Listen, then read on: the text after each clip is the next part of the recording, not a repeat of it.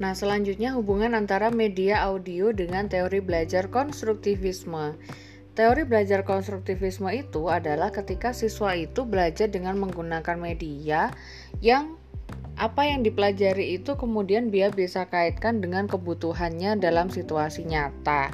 Jadi misalnya di situ saya memberi contoh, guru itu menggunakan medianya berupa media perekam.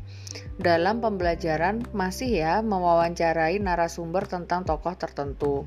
Nah, pembelajaran itu akan optimal dan memang sesuai dengan teori belajar konstruktivisme jika saat media perekam yang berisi hasil wawancara pembelajar dengan narasumber itu isinya sesuai dengan yang dibutuhkan siswa dalam kondisi nyata. Misalnya gini nih, uh, seka sampai sekarang ini tingkat penyebaran COVID-19 di Kota Malang ini seberapa tinggi ya?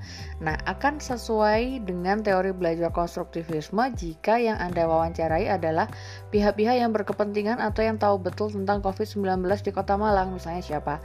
Dokter-dokter yang ada di Kota Malang, dinas kesehatan yang ada di Kota Malang, atau pemerintah daerah Kota Malang. Itu dia. Nah, yang berikutnya adalah Keterkaitan antara media audio dengan teori belajar psikologi sosial. Psikologi sosial itu intinya ketika siswa ini belajar dengan cara berinteraksi atau berkelompok dengan siswa yang lain. Jadi misalnya begini nih.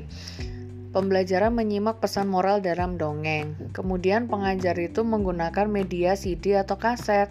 Maka media tersebut akan optimal jika setelah menyimak media audio yang ada di dalam CD atau kaset tersebut, si pembelajar ini bisa berpikir kritis bersama dengan kelompoknya dalam menganalisis isi dongeng dan pesan moral yang terkandung di dalam media CD atau kaset yang berisi uh, dongeng tersebut. Seperti itu.